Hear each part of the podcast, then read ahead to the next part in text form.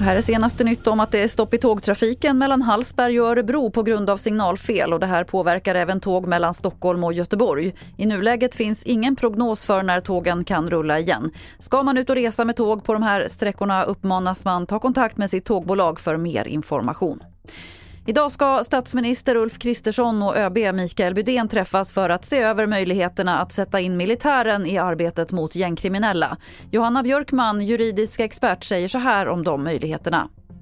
Ja, att kunna understödja polisen idag, till exempel med, med eh, transporter eller kanske eftersök och liknande, det, det, det är ju inget problematiskt alls. Men skulle man börja att tangera det här våldsmonopolet, då skulle det krävas lagändringar självfallet. Det här är långt ifrån den svenska tradition vi har. Men vi har ett undantagsområde och det är terrorism. På terrorområdet så finns det en lag sedan 2015 där polisen och militären har möjlighet att faktiskt agera på samma villkor inom ramen för detta. Och frågan är om man tar lite inspiration av den lagen nu när man har de här samtalen.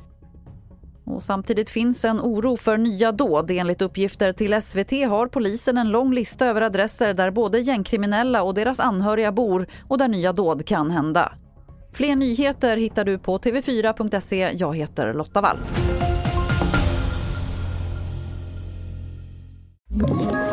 Ett poddtips från Podplay. I fallen jag aldrig glömmer djupdyker Hasse Aro i arbetet bakom några av Sveriges mest uppseendeväckande brottsutredningar går vi in med hemlig telefonavlyssning och, och då upplever vi att vi får en total förändring av hans beteende. Vad är det som händer nu? Vem är det som läcker? Och så säger han att jag är kriminell, jag har varit kriminell i hela mitt liv men att mörda ett barn, där går min gräns. Nya säsongen av Fallen jag aldrig glömmer på Podplay.